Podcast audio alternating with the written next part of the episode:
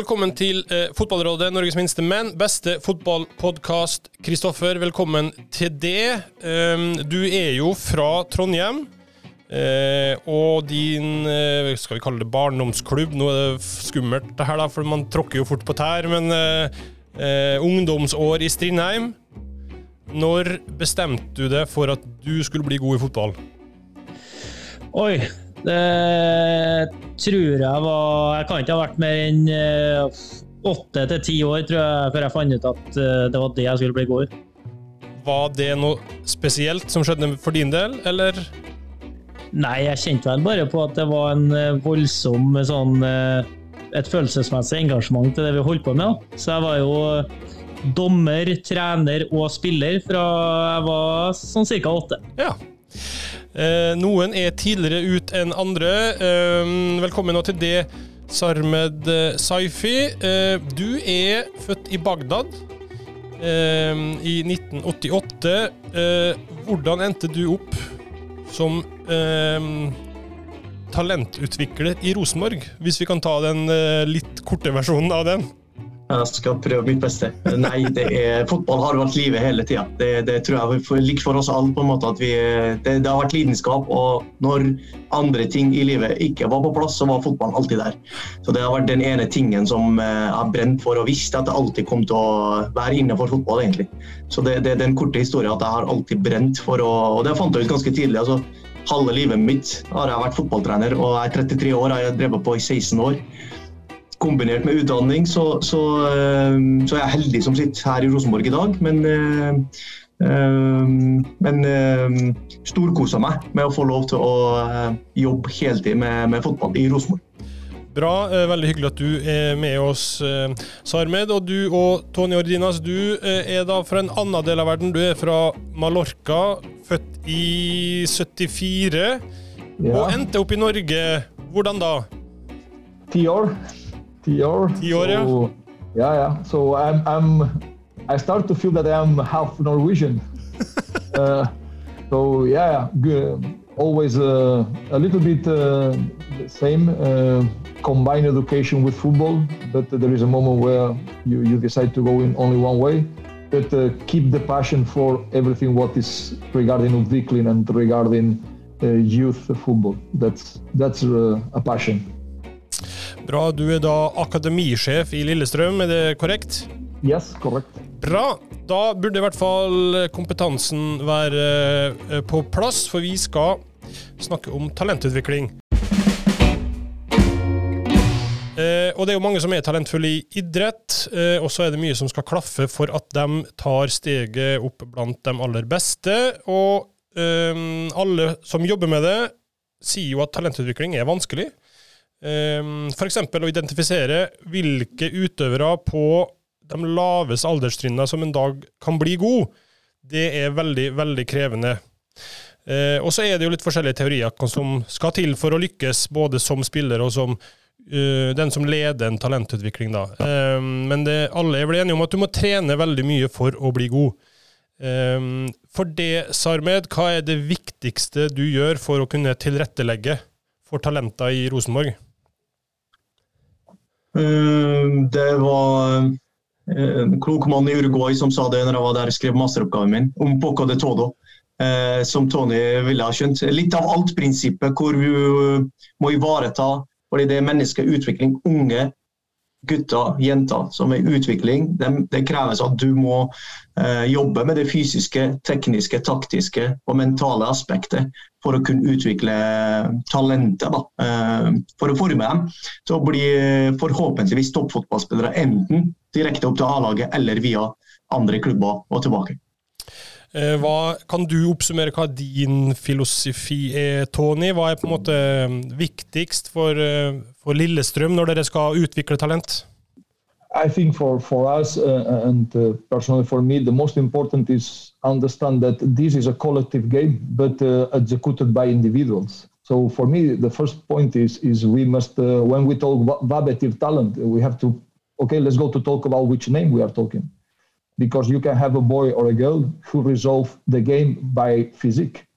If you are Gareth Bale, you resolve this this this game by by your physique. But if you are uh, Lionel Messi, mm, you have another way to resolve, and both are valid. I, think culturally, there is moments. No, the, if we go back 15 years ago, uh, people were looking the physique as the main factor. Then became the the culture. Oh, physique is not the important thing.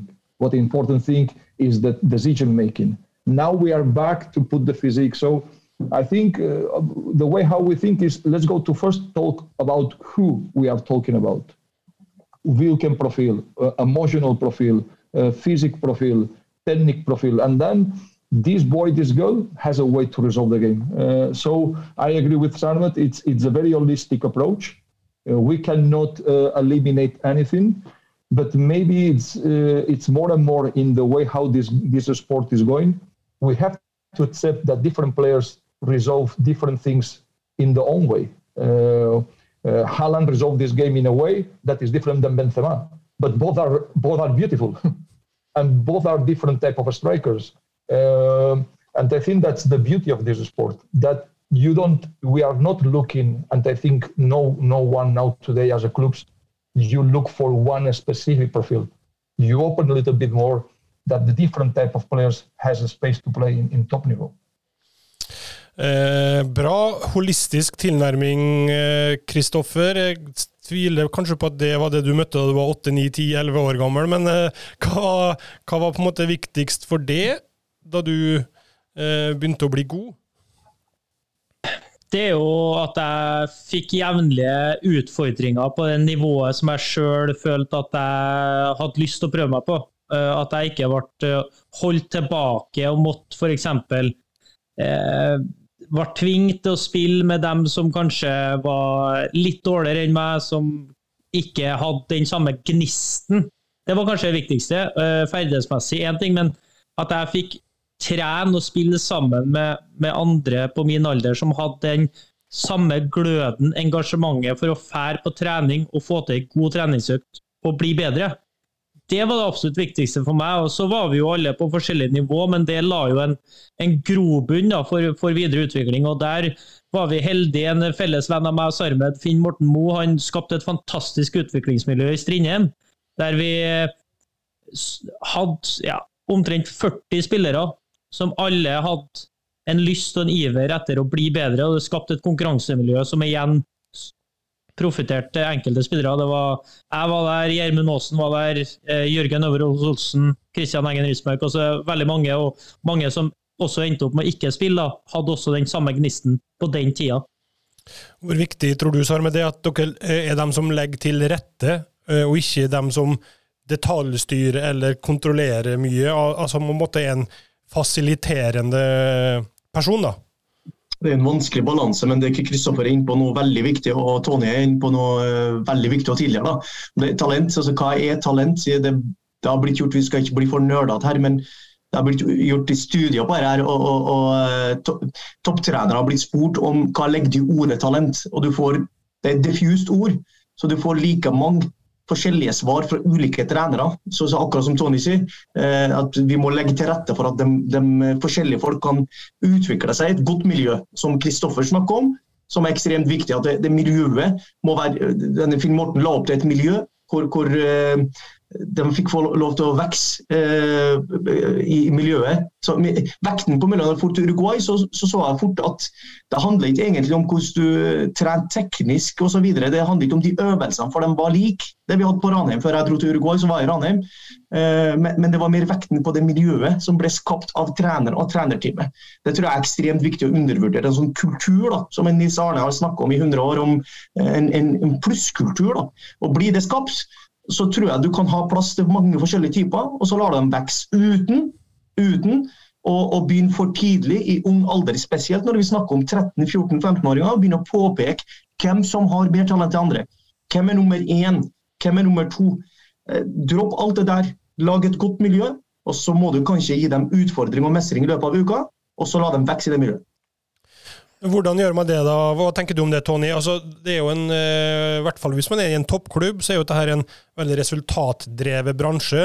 Du blir sikkert målt på hvor mange spillere ditt akademi greier å levere opp til A-lag, eller um, ja, den type tanke. Og så skal man samtidig lage et bredt og godt miljø som kanskje er det, går på litt uh, motsatte av det? Eller jobber man sammen på det?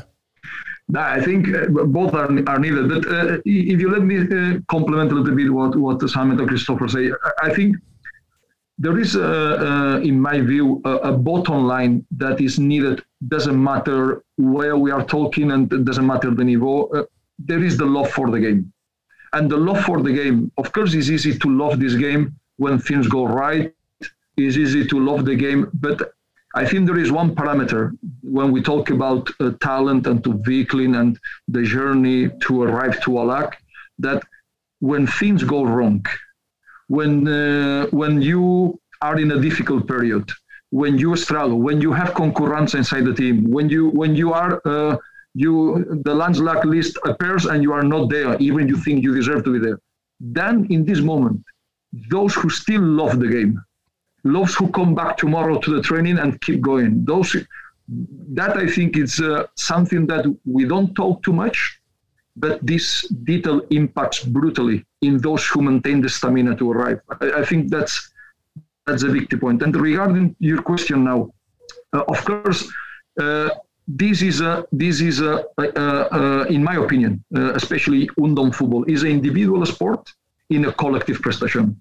It's difficult that I can express my talent if the teammates around me we are not integrated. And to be integrated and to play to, in our best level, uh, the climate, the, the, the energy, the, the belief, the trust. I trust you, you trust me. This is how we can cooperate. It. Of course, this just makes the talent pop up in a, in a better way. But uh, at the same time, I like to be honest with the families and with the players. Uh, uh this is about individual journey uh, we cannot hold down the talent because we are waiting, waiting, waiting for for those who are not putting the hundred percent effort. No, no. Uh, in the end, uh, we have to to uh, in the end the, the, those who really put the, the, the big effort, we need to push them up. Uh, so uh, and I, and this I think it's a big difference from the Barna football to the Undom football. That's for me. I, I, I, this is in, in the way how I, I think is the big difference the, this is why a player is starting to be hospitalian with uh, with the older team. This is why a player is participating uh, in elite tiltag and other ones all. And uh, that's very individual. But what is good in 13 years, he can guarantee that is good in 16 years. And that's the beauty of this journey. Mm.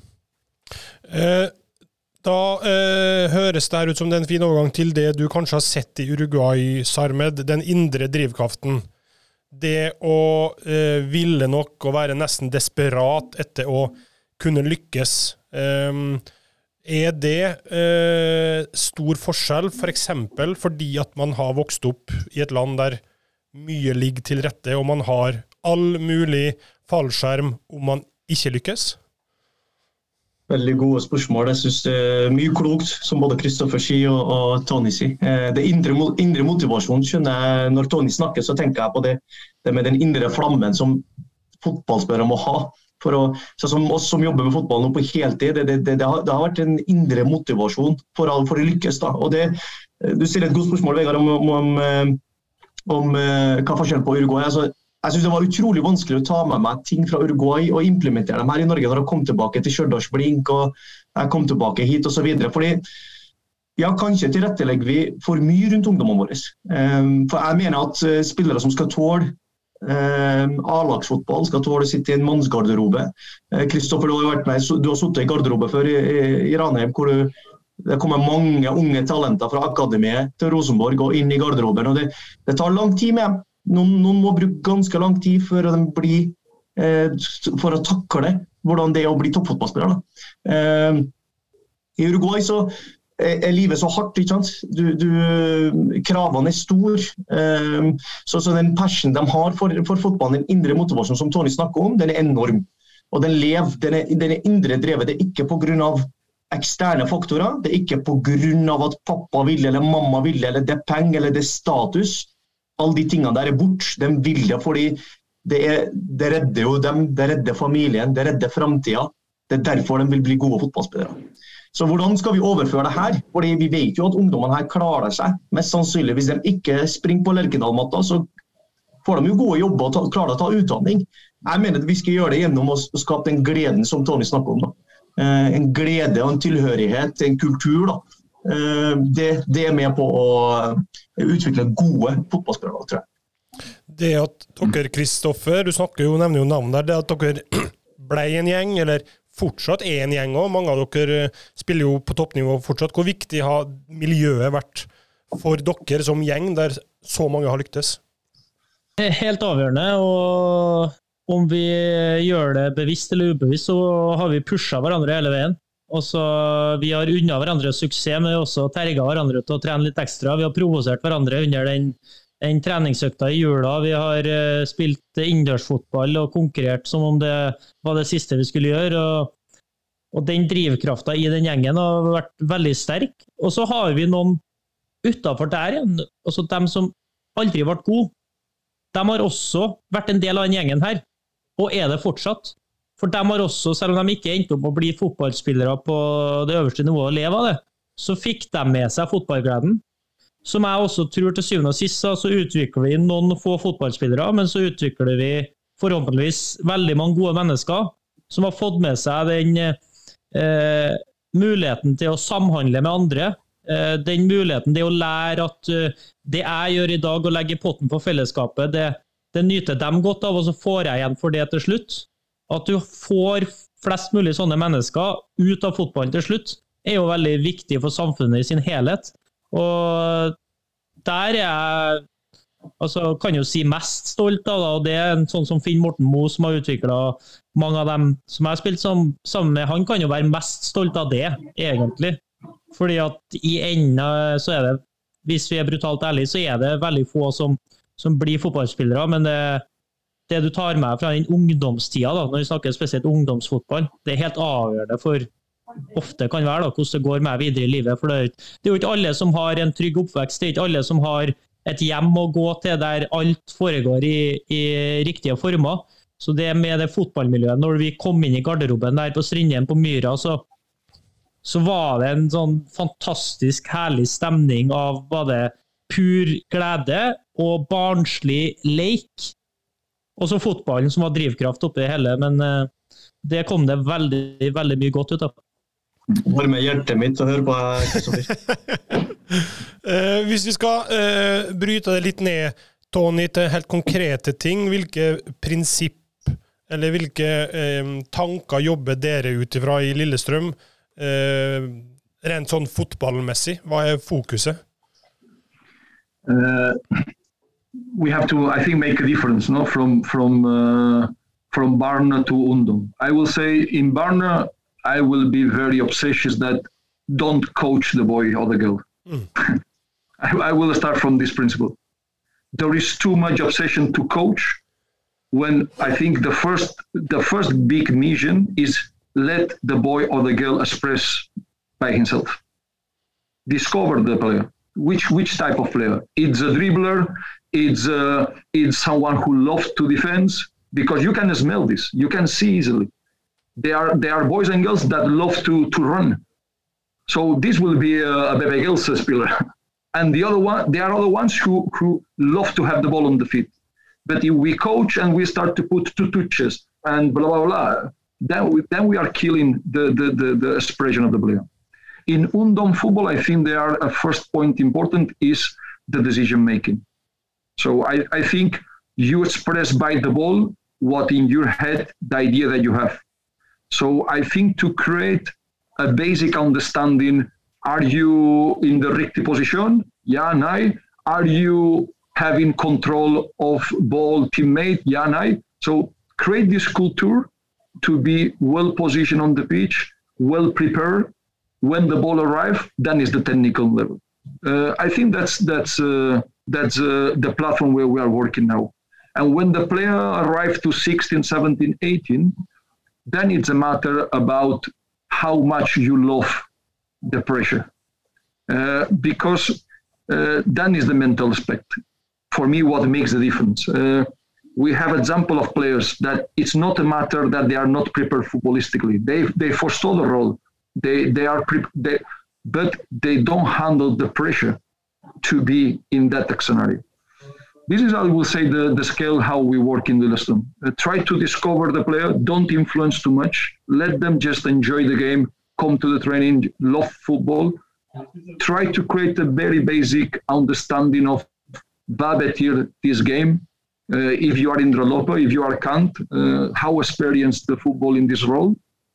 Then, of course, develop the physique and the, the mental aspect to can to can be an environment that is a lot of pressure because when you are a young player and you come in the ALAC dressing room, you must be in an environment that all, it's all about how you contribute to win. So you have to hate to lose in one way. And that's, and that's the pressure. Mm. Hva tenker du, Sarmed, om det Tony sier? Er det mye likt som dere òg tenker, eller hva sier du? Det er utrolig spennende det Tony sier. Jeg syns han deler det opp så fint. Eh, vi, vi, jobber ikke med så langt ned som med barn. Jeg liker at han tar det med seg og det perspektivet, men det Um, jeg tror mye likt vi gjør her òg, eh, i Rosenborg. Vi har jo vært bevisst, altså, vi har tatt bevisst valg om å ikke rekruttere før guttene er 14 år inne i Rosenborg, eh, for å la dem være i moderklubbene sine, vokse i de miljøene som Kristoffer snakker om, som jeg vokser opp i. Eh, være en del av noe vennskap, få lov til å vokse, få lov til å være en del av et miljø. Få lov til å være en stor fisk i en liten dam.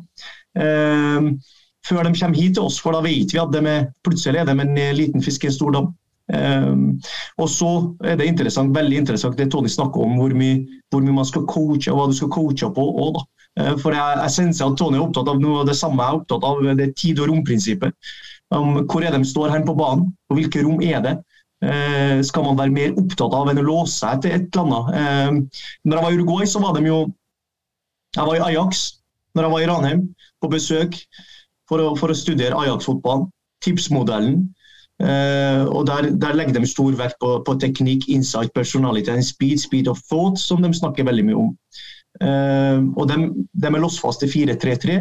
Uh, eh, men så får jeg til Uruguay, helt andre sida av verden, hvor de var veldig fokusert på det med ja, men livet er uforutsigbart i Uruguay. Når det var, når det var vinter, så, så, så, klarte de ikke på gressbanene de hadde. Så hadde de ikke varmt vant til å dusje etterpå. Gressbanene kunne ikke spille korte pasninger med. Hvorfor skal vi låse oss til en måte å spille på? Da måtte du, du måtte tilpasse deg eh, hva eksterne faktorer hadde by på og hvordan motstandere var hele tida. Så de var opptatt av å lære spillere å takle forskjellige scenarioer, så at når du kom opp til A-laget, så, så, kunne du takle de forskjellige tingene. Du kunne takle tap, seier, den motstand osv. Så, videre. så de, det var en reise om å lære spillerne å bli mer voksne i tidlig alder. Mm. Hvordan, eh, hvordan, tenker du rundt det å eh, altså individuelle øvelser kontra det å trene et lag i sin helhet? hvor Tenker dere noe på resultat, f.eks., når, når dere coacher 15-16-åringer? Eller er det, hvor konkret er dere på, på, den biten? Eller er det utvikling, utvikling, utvikling det handler om? I think, uh, uh, first of all, today is very global, the training methodic, I think in Europe at least, uh, and probably something you can talk about also South America, but uh, we we we coach based on game scenario. Uh, that is, I think, uh, is probably the big the big uh, common pattern to work. Doesn't matter which club, doesn't matter which country. We try to put the boy or the girl in a magic scenario situation.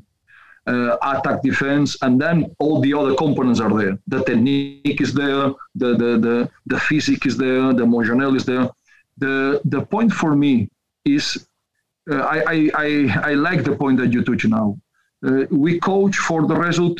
That's one for me one of the big dramas in Undon football. The ego of the coaches. There is still too much ego about winning. Not too victim, just to say how good I am as a coach. Because we still are in a culture that if I win the match, that means that I'm a very good coach. Uh, and that's one of the, the big, big, big factors that kill in many players. No? Uh, and I think it's a false discussion regarding Udvikling or winner. No, no. Uh, when the match starts, everyone, every kid, every they do the best to win. That's that's uh, that's not a discussion. In the end, when we play at home and we play cards, we try to win, even if we play in the family. That's that's another story. But there, cannot be that the decision of the of the play on the pitch, the position of the player is conditioned because my ego is about winning. For example, I am very critic about the feedback that the players get during the match or after the match. Uh, how constructive is this feedback? Because mm, I strongly convinced that if we ask to a boy or a girl, and we can stop a game and say, "Did was was this good or bad?" You, the boy or the girl, they know. Ninety-five percent of them, they know if it's good or it's bad. The problem is that sometimes they don't know why it's good or why it's bad, and this is where you need a coach who can explain when you don't when you struggle to find another solution, in which way you can resolve this. But if the feedback is based on the end product, ah, that was about. Listen, the, of course the boy knows that this was a bad shot or a bad tackle or a bad 1v1. So I am very critic, not in the way of training, in the proposal of the training. And I think this is a very good point what you touched. Why we train? What is the proposal? Is to win and just show how good we are, or is about improve the player? Mm. Uh, that's I think it's a it's a beautiful discussion that is still I think very on the table of, of football and especially ungdom football. Ja, for, for, du er helt avhengig av å produsere vinnerskaller. Men jeg tror ikke at du produserer vinnerskaller med å gi dem metoden for å vinne en fotballkamp. Altså, Jeg kan gå og coache et G14-lag og veldig enkelt, sagt litt enkelt, da, få dem til å vinne kampen med å spre min forståelse til guttene eller jentene, uten at de har lært noe som helst. Men jeg har fått dem til å vinne kampen for at jeg har gitt taktiske instruksjoner som jeg ser ganske enkelt på det tempoet, på det nivået, at vil gagne laget mitt og sørge for at de vinner. De har ikke lært noe som helst. Så jeg hadde jo en, jeg trente, jeg trent G14, G15, G16 i Ranheim, og jeg husker veldig godt en, vi spilte Scandia Cup, og masse foreldre på sidelinja. Sykt opptatt av å vinne. Altså, de så, har så lyst å sette seg i bilen med, med sønnen sin hjem etterpå, veldig happy, for det eneste de klarer å se, er seier eller tap. De har ikke en oversikt over fotballkampen som en trener bør ha. Da. Og, og, da husker jeg det var uavgjort, og så var det et voldsomt mas fordi at du gikk videre på cornerer. Du gikk videre på cornerer, så lurte jeg på hvorfor kunne ikke jeg bare fortelle guttene mine hvordan de skaffa cornerer? Hvorfor kan ikke jeg bare skaffe, få tak i cornerer, låse av kampen? Så prøvde jeg å si det hadde vært litt artig om en vinnerskalle, en smarting utpå her, hadde funnet ut det sjøl. Det hadde vært litt artig. Da hadde jeg tenkt at hm, han kan faktisk ta steg i fotballen fordi at han er en klok mann. Han er sånn passe kynisk og finner ut han, Find a way to win, da. Mm. Ja. Men det kunne han funnet ut sjøl. Jeg kunne ikke stå der og fortelle det, så jeg fortsatt Vi skal spille ut fra den femmeteren kort. Vi skal gjøre som vi har trent på, fortsette å dyrke det. Og så må de finne ut sjøl. Og det ble jo 1-1 da vi røyk ut på cornera, og de spurte etterpå. Så spurte jeg var det noen som tenkte på det utpå her, da. Mm. Nei. Her så sa jeg OK, om fem, seks, sju, åtte år, da, hvis dere fortsatt spiller fotball, så er det faktisk en del av fotballen. da. Å finne en måte å vinne på i tette, trange situasjoner. Nå vil ikke jeg være cornera, men det er også en del av det. Mm. Men det her var en vei til å lære seg det, da. Mm. Opp fram dit. Dere har jo, det, det, vært, det var det i fjor eller før kanskje, Sarme, der eh, det har vært mye fokus på andre laget til Rosenborg, eh, dårlige resultat. Det har vært mye eh, kritikk rundt, eller spørsmål rundt, eh, rundt det. Blir man påvirka av den eh, skal vi kalle det for støyen rundt, og man begynner å tilpasse tankegangen til å skulle vinne mer, eller uh, hva har dere tenkt internt som jobber med det her i det daglige rundt akkurat den biten der? Uh, det, man, blir, man, blir, selvfølgelig du, du, man, De får det med seg på et helt annet vis enn hva vi var når vi var unge. og Kristoffer snakket om tida i Strindheim, jeg var i Tryglade. og da, da fikk vi ikke med oss så mye. Eh, det var ikke så mye på sosiale medier. eller Den inputen vi fikk fra utsida, den var ikke så stor. Vi møtte jo bare kompisene og spilte. Men tilbake til både det Tony og Kristoffer snakker om, så alle vet jo hva når de spiller kampen, så vil jo alle vinne. De er jo, de er jo opptatt av resultatet, dem òg. Mm. Så du, du, som trener mener at vi har en eh, vi er privilegert til å få lov til å, å lede dem på feltet osv. Det, fokuset vårt Nå skal jeg ikke prøve å snakke avansert, gjøre det enkelt.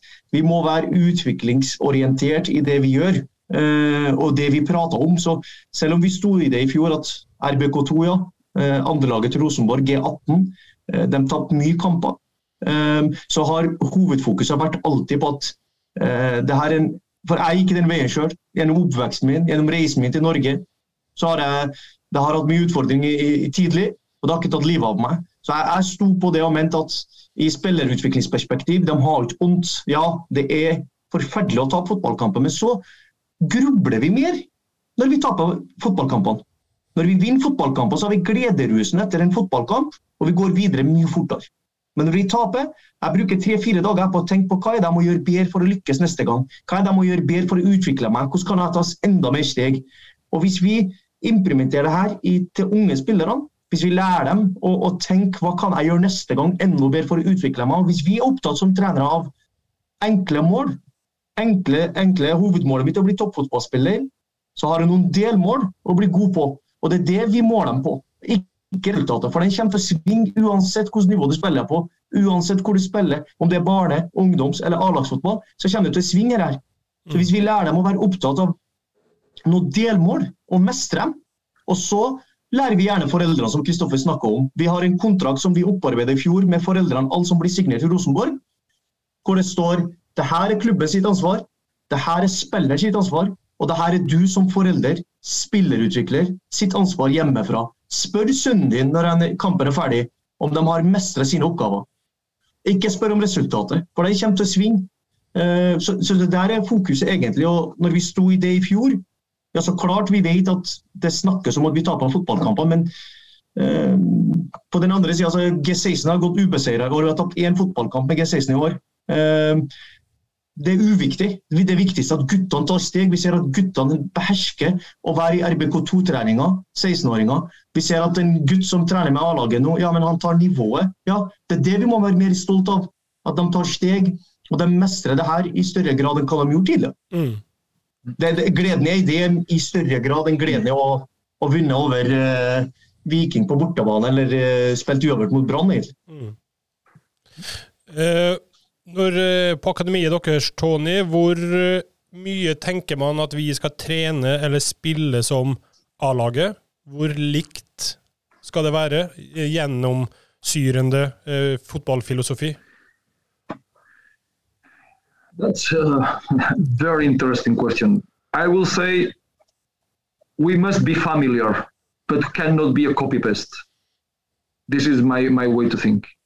Must be familiar because it's difficult that uh, that a Undom player from academy go fast to the first team and get a spot there. If uh, when he's in the training the first team, everything looks new, because then then there's no chance. But uh, I don't think we have to go 100% copy and paste because we are producing players that is no guarantee that they will end up playing for Alak LSQ. Maybe they play in Elites area, maybe they play in Ovos, they still go in the journey, but they go in a maybe club philosophy, a spill model that is not exactly in this way. So I will say in the academy, I think we, we must teach the academic principles because there is some academic principles in football.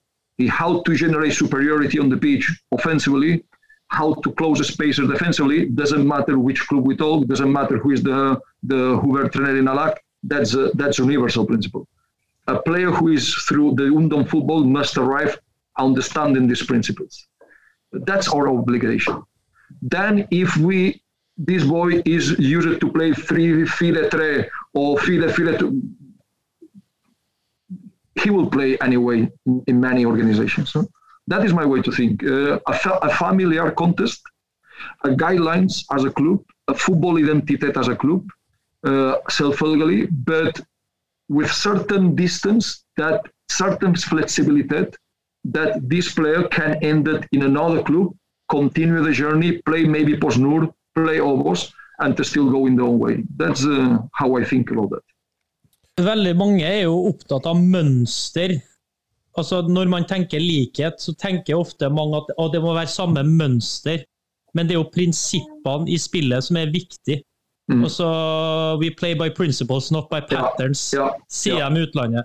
Mens Ja. i Norge så er vi ofte litt for opptatt av patterns fortsatt, Ja, ja. og formasjon i tillegg. Ja, Og det er helt, helt uvesentlig for en ung spiller å skal låses inn i helt låste bevegelsesmønster, f.eks., eller pasningsmønster, og så kommer du til en annen klubb, og så endrer klimaet seg, så har ikke de prinsipielle, den grunnpilaren i bunn til å løse situasjoner som kommer i kamper, uavhengig av hvilken formasjon du spiller. Ja, 100% any.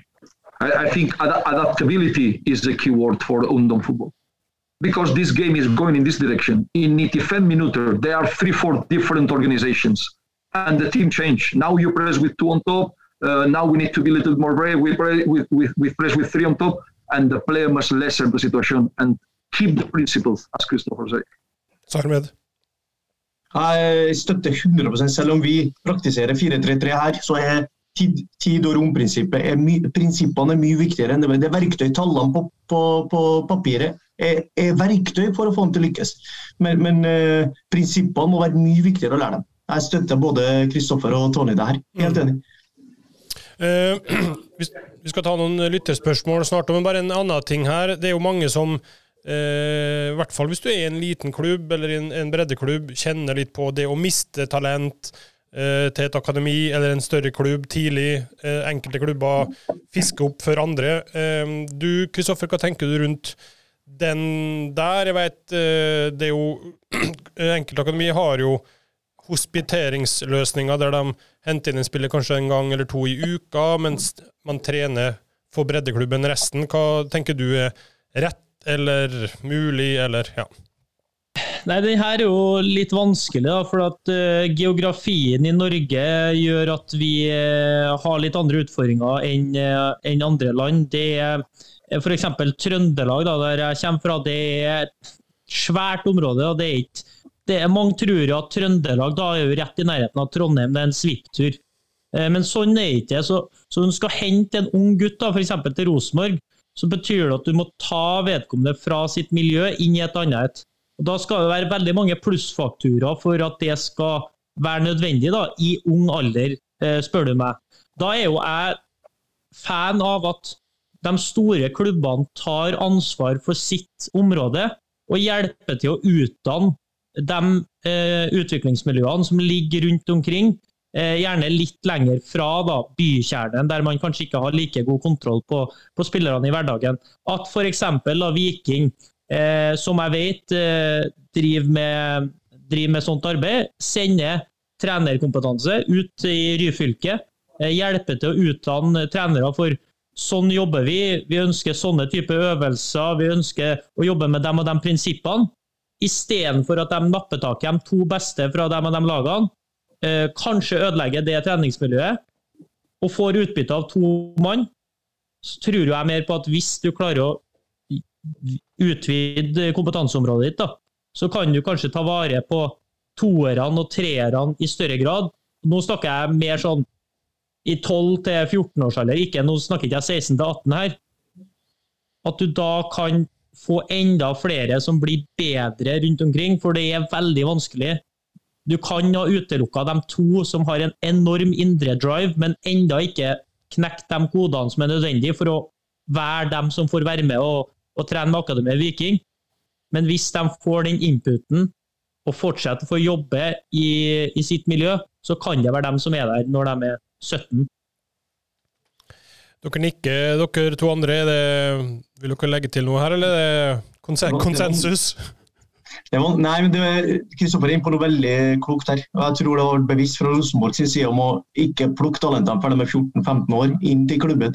Men så blir vi tvunget inn her. Neste år skal vi starte med G15 nasjonal liga. Da må du begynne å plukke gutter som er født i 08 og 09. 13-åringer. Du, du må gå enda lavere. Og vi vet, vi vet at jo yngre du begynner å plukke til selektering, jo, jo, jo lavere du går i alder, jo vanskeligere blir det å selektere hvem som er mer talentfull enn andre. Og Der kommer vi til å bomme ekstremt mye mer opp, tror jeg. da. Ehm, så jeg, jeg støtter jo det Kristoffer sier, men derfor må det være i dag. Ehm, OK, vi plukker dem her. Vi har tro på at dem her kan bli noe. Vi antar at de kan bli noe, men så må vi følge opp toårene og treerne. Eh, godt i klubbene, utdanne klubbene, støtte dem. Eh, være ute, se dem kanskje at vi spiller sånn som vi gjør i dag. Vi spiller lokale serier. Møt trenerne, møt klubbene, se hva de er opptatt av. I håp om at toårene og treerne som ikke fikk muligheten, kan komme opp. Og være fleksibel på at ok, etter et år og to i Rosenborg, hvis du ser at de ikke finner seg til rette, de mestrer ikke oppgavene sine, de, ja, men da må du ha dialog med breddeklubbene. Kanskje spillerne bør gå tilbake for å oppleve mestring igjen. For så må komme tilbake hvis de er gode nok etter hvert. Mm. Men det er vanskelig fordi vi vet at sentrering i enkelte miljøer har skjedd, og det skjer ganske mye. Vi vet at i Oslo så har de jo noe De har eh, eh hva skal jeg si, NFF har jo i Oslo har jo noe eh, kjørt ganske hardt om at det er ikke lov med, med private lag. Private satsing. Vi vet at det har eksistert i Trøndelag. At gutter i ung alder og foreldre søker Eh, privat virksomhet. De, de søker eh, input fra utlandet, de reiser på turer. Eh, det er jo for å søke best mulig utviklingsmiljø så tidlig som mulig. og Jeg skal ikke kritisere det, fordi vi vet at fra det miljøet i Trøndelag som har eksistert før, har det kommet mange fotballspillere til Rosenborg. Og noen av dem er på vei opp til A-laget vårt i dag. Så det gjøres mye bra. All ære til de foreldre og de miljøene som skaper fotballspillere. Eh, men samtidig så eliminerer jo all konkurranse rundt dem. De må reise til Portugal eller Danmark for å bli bedre. Så hva skjer, hva må vi gjøre? Jeg mener at Rosenborg, i Trøndelag nå snakker om Rosenborg, eh, NFF, må slå hodene sammen. Gå knallhardt ut, ta ansvar, Legg til rette for at klubbene kan drive sunt og beholde så mange som mulig. For vi vet at dropouten har vært enorm etter covid-tida. Eh, der, der, må vi være mye, mye, mye bedre ut. Mm. Har du noen sterke tanker her, eh, Tony, fra Lillestrøm sin uh, side? Hvor langt ned i alder skal man eh, hente talent? Hva skal man legge, hvordan legger man best mulig til rette? We, we take a decision in, uh, when I arrived to the club in, in four years ago that uh, we don't sign players before 15. And uh, we are 200 uh, convinced that uh, that's the model that is work much better for Romerik's football. Mm. Uh, we have a, a, fantastic competition, Tret and Fjorten. You can meet very good generations in clubs around. Uh, so, because I, I, strongly believe in the importance of the competition, mm, the, to have good games for as many players as possible. Uh, I strongly believe that one good game better much more than 10 not so good games for a player. Mm. And I think one of the problems of many, many uh, players is still that they play too many not good games. But there is much Tijdar, there is much Tojdar, and then you cannot train properly. So they play bad games and they don't train properly. Mm. And that is a cycle that is there. Mm. So personally, I'm more into that uh, we really like the system. We have uh, around between 15, 20 players very individual plan. Some of them come one day per uh, one time per week. Some of them come twice per week. Uh, still, it's very important two things. One, what you point, how much as a professional club we can help the clubs around in training competence in utvikling training, so we can raise the level of the training around our area. That's I think very important, and uh, to have a very good dialogue regarding this point because it's no point to to go in a crazy number of matches because then this is just go again the, the player. And one of the things that also worries me a little bit is that if we think about the best talents in the in the in the region, they have the club training, they have the creds training. So that means a lot of coaches, some of them even private classes because the family decide so if we if we put ourselves in the in the shoes of the boy Treten or Tol Treten Fjorten, or you have around six seven coaches who talk to you about football. You have seven eight sessions per. Week. So we have to understand that sometimes too much is not better. Mm. So I am a little bit concerned that uh, how we can make things easy. Just just let the boy play football in a, in a more controlled way and enjoy the good games as possible. I think national serie is a very good idea.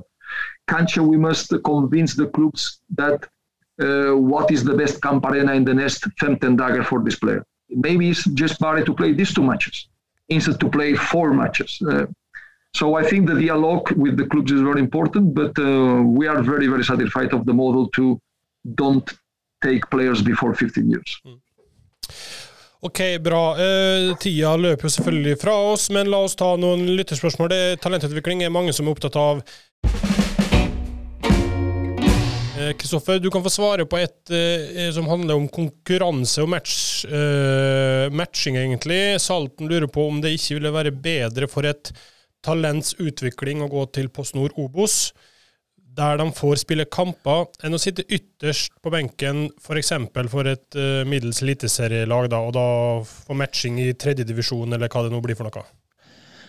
Det her er jo en sånn vanskelig balansegang, da, for uh, du er avhengig av at du sender da, den spilleren til f.eks. Post Nord til også et godt treningsmiljø, så at hverdagen utover de kampene også er, er, er bra.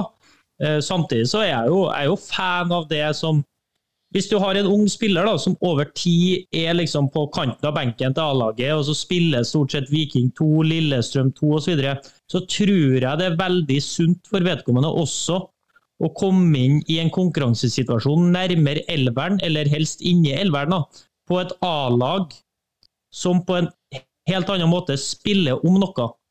Der eh, hverdagen er mer konkurranseprega. Du får kjent på det inn og ut av en elver. Du får kjent på det å, å kjempe om tre poeng, kontra det å f.eks. er Viking 2. det For jeg ser noen kamper og ser på halvparten av ungguttene at eh, nei, det er da ikke så farlig hvordan det går i dag. liksom. Ut der og spille litt og kose seg.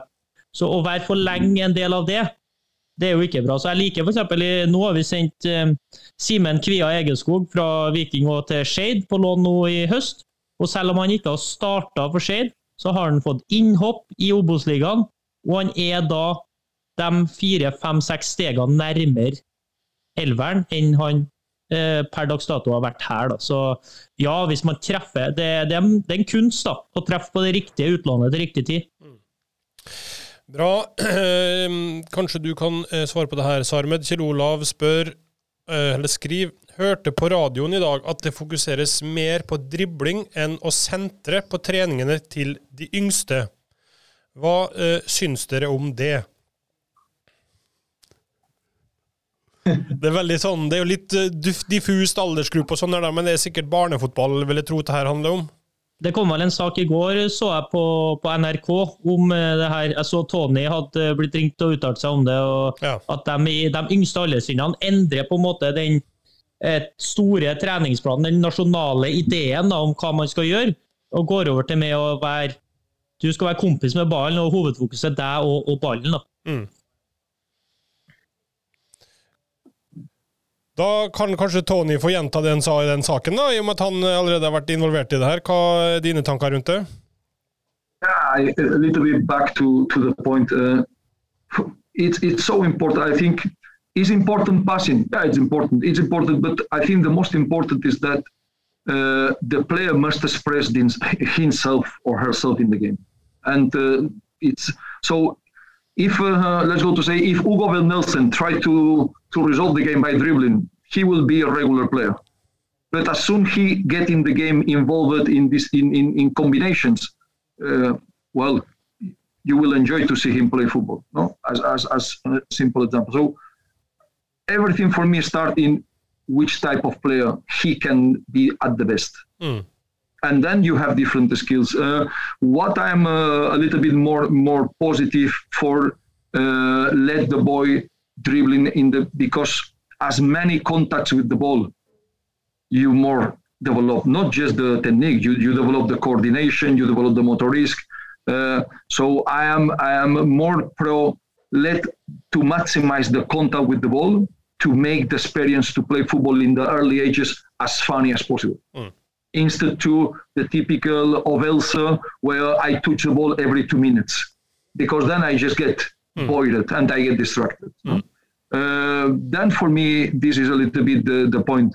Uh, this is against the passing skills, no. Uh, but why we start to play football, all of us? Because we are in love with the ball. That's the reason number one. If I am not in love with the ball, I don't play football. I play guitar, maybe, or or music or dance. I don't know. so let the, let the kid be in love with the ball. Then there is a moment, and the psychologists say that is around nine, ten years, where they understand that to get fun in this game, if we share the ball, it's still fun. And they accept it. They don't cry if someone take the ball. And that is where the cooperation that you and me have the ball and Sarmet and Christopher try to take the ball is accepted. And this, this is really fun. And then is for me where the collective pensum can be a start. So I am, I am more in, into this idea that in the early stages, a lot of contact with the ball, a lot of freedom to resolve the action in the way that you, you express, to try to create more collective game in, the, in, in later. Eh, bra. Eh, Dette er et interessant spørsmål fra Morten, fordi han toucher jo litt inn på det vi har egentlig hatt snakk om hele veien her. For han skriver hvordan lære åtteåringer å strukturere laget best mulig. Eh, han trener tydeligvis et lag med åtteåringer, der han skriver at vi har spillere med grei teknikk, men det mangler litt på det taktiske. Noe som ofte vises på resultatene, som igjen tærer på motivasjon. Så han etterlyser jo litt eh, øvelser som går på taktikk, posisjonering eh, osv. Men du Sarmed, hva er ditt råd til Morten som trener åtteåringer her? Jeg tror Tone har svart glimrende på det. Det er Mye av det han svarte på tidligere nå, på det forrige spørsmålet, svarer egentlig veldig bra på det her òg. Eh, altså det, det, å ha den gleden med ballen, som han sier at alle eh, all vi som spiller, vi, vi, vi blir forelska i ballen og vi vil spille med ball. og det å, å skape det, Men så er det å få dem til å forstå hva, hva, hva, hva må du gjøre for å Hvilket rom er det som oppstår? Jeg tror det er litt for tidlig å starte med når de er åtte-ni år, egentlig. Mm. Så jeg tror, ikke, jeg tror, ikke, på at skal, han skal stille dem til, på banen og begynne å gå gjennom forskjellige mønster og snakke taktikk. og Jeg tror han mister dem hvis han setter opp ei tavle og begynner å forklare sånne ting. Mm. Eh, men jeg tror at så enkelt som det er å la spillet gå, og så stoppe spillet så enkelt og spørre OK, hvem er ledig nå? Hvordan vei, altså Målet er der, oppover på banen. Hvordan skal vi komme oss fortest mulig dit? Og så la dem tenke og finne ut av det. For jeg tror Hvis du skaper den forståelsen på banen av hvem er som, hvem er som har tid, og i hvilket rom som er best for å score, så vil du skape en forståelse for dem for hvordan de skal posisjonere seg osv. Mm. Ik ikke gi dem svaret, i hvert fall. La dem finne ut av det sjøl. Eh, for der er jo inn på det jeg om tidligere. Jeg kunne ha lett å komme dit og trent hans åtteåringer to treninger og strukturert opp laget hvis det har vært målet. Men still dem spørsmålene og la dem finne ut av det sjøl. Og så sakte, men sikkert, forhåpentligvis, så blir det bra. Og da kommer jo den ultimate mestringa der. Da vil jo de knekke kodene som gjør at de skyter fart. Men Jeg tror hvis du gir dem løsninger, så kommer de til å ok, kanskje de blir bedre neste dag, da, men på sikt så venter de neste gang igjen da, når de blir tolv år. Kan noen komme og gi meg løsninger? Til slutt sier jeg stopp. Mm. For det, det der ikke så er vi tida løp for oss, Vegard, men jeg må bare skyte inn her bare for å eh, bekrefte Kristoffer som er så bra. fordi vi har en tendens i Norge, opplever jeg da. Eh, jeg har bodd lengst eh, livet mitt i Norge, men jeg opplever at vi, når vi ser at barn, ungdom, sliter Hvis de sliter i en øvelse, så prøver vi å justere. Hvis en tysker, da, en, en possession-øvelse, så prøver vi å justere den for å, for å hjelpe dem hele tida. Ok, Vi skyndte oss for å justere hele tida, så at de, alle skal mestre dette her. Men la dem stå i den utfordringen som Kristoffer sier. Eh, ikke gi dem svarene hele tida. La dem stå i motgang, la dem spørre, la dem undre seg. Det tar ikke livet av dem. Eh, og de har det så bra som de har det i Norge. sånn at ja, La dem stå i utfordringer, la dem spørre, la dem undre seg. Og så kommer det et tidspunkt hvor de knekker kodene sjøl.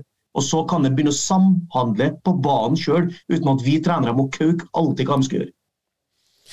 Eh, bra. Eh, mange av spørsmålene her er jo ting vi har vært innom. Eh, Olai Årdal spør, vet ikke om du har eh, noe eh, konkret her. Eh, Tony, men han vil gjerne ha det beste rådet du kan gi til en som trener 14-15-årslag. Hva bør fokuset være? Og Vi har kanskje snakka så vidt om det, men da kan Olai få det helt konkret. I will highly recommend it. So one of the things that I miss, mo missed the most is the the roller training. For example, we want to develop a very good stopper, and we put this boy or this girl in possessions and uh, uh, but how many actions inside the box? How many clearance inside the box? How many duels inside the box? Because if we want to develop a stopper, this is the key action that this player will be exposed in the future. we want to develop a very good space. And again, a lot of possessions, a lot of two touches games, a lot of yeah. But uh, how many finishings Heide foot? How many finishings Venstre foot? How many finishings one v one? How many finishing? So the how we create the space in the UK plan to train the collective principles, but at the same time to give a space for a specific role actions uh, I think is one of the big, big uh, misses right now in the in the Undon football in Norway. We are so much focused in the collective, but we don't win matches by collective, or we don't do lose matches by collective. There is something that I listened to Johan Cruyff many years, many years ago in a, in a, in a lecture in Spain. The players and in the end the game, it's about individual mistakes it's not a team who is pressing bad. No, no, it's the Heide Kant who jump bad to the ball. It's not the team who defends. In, no, no, it's the Venstre stopper who drops too early in the line. So if we can work the individuality during the week with the specific moments where kanskje 10 minuten, kanskje 20 minuten, where we can dedicate time to these individual duties that make the player be very good. Uh, I am I am a big fan that the player must be excellent in and two three things. And now there is a culture that the player must do everything. A keeper must be so good with the foot. A stopper, uh, we, we sometimes we expect that the stopper arrive to the opponent box with the ball. a stopper first has to win duels. That's number one. A stopper must to love to defense a fullback must win 1v1, first of all. Then we can complement. So I am more, more, and when I travel around and I see how other top academies in Europe work, they are dedicating a lot of time to these small details to get this excellence that makes this X factor for the player, because then you become one in Tucson. But if we try to do everything, then we have Tucson one players. That's no one is different. That's uh, my way to think. And what I will recommend to this coach. Mm. Eh, bra. Jeg tror vi setter eh, strek for spørsmål der, Kristoffer. Og så tar vi ukens eh, løksuppe. Des légumes, des légumes, des légumes, mon cher, le secret de la longévité. Des légumes, des légumes, des légumes.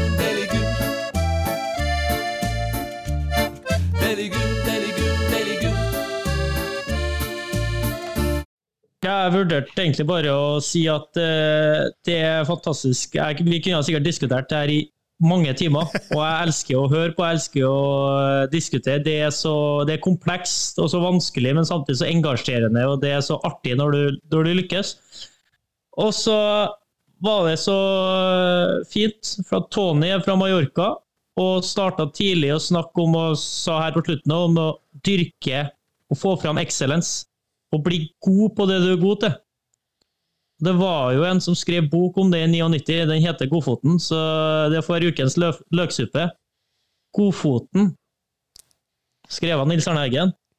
Det, den vil jeg. Det fins eh, på nett.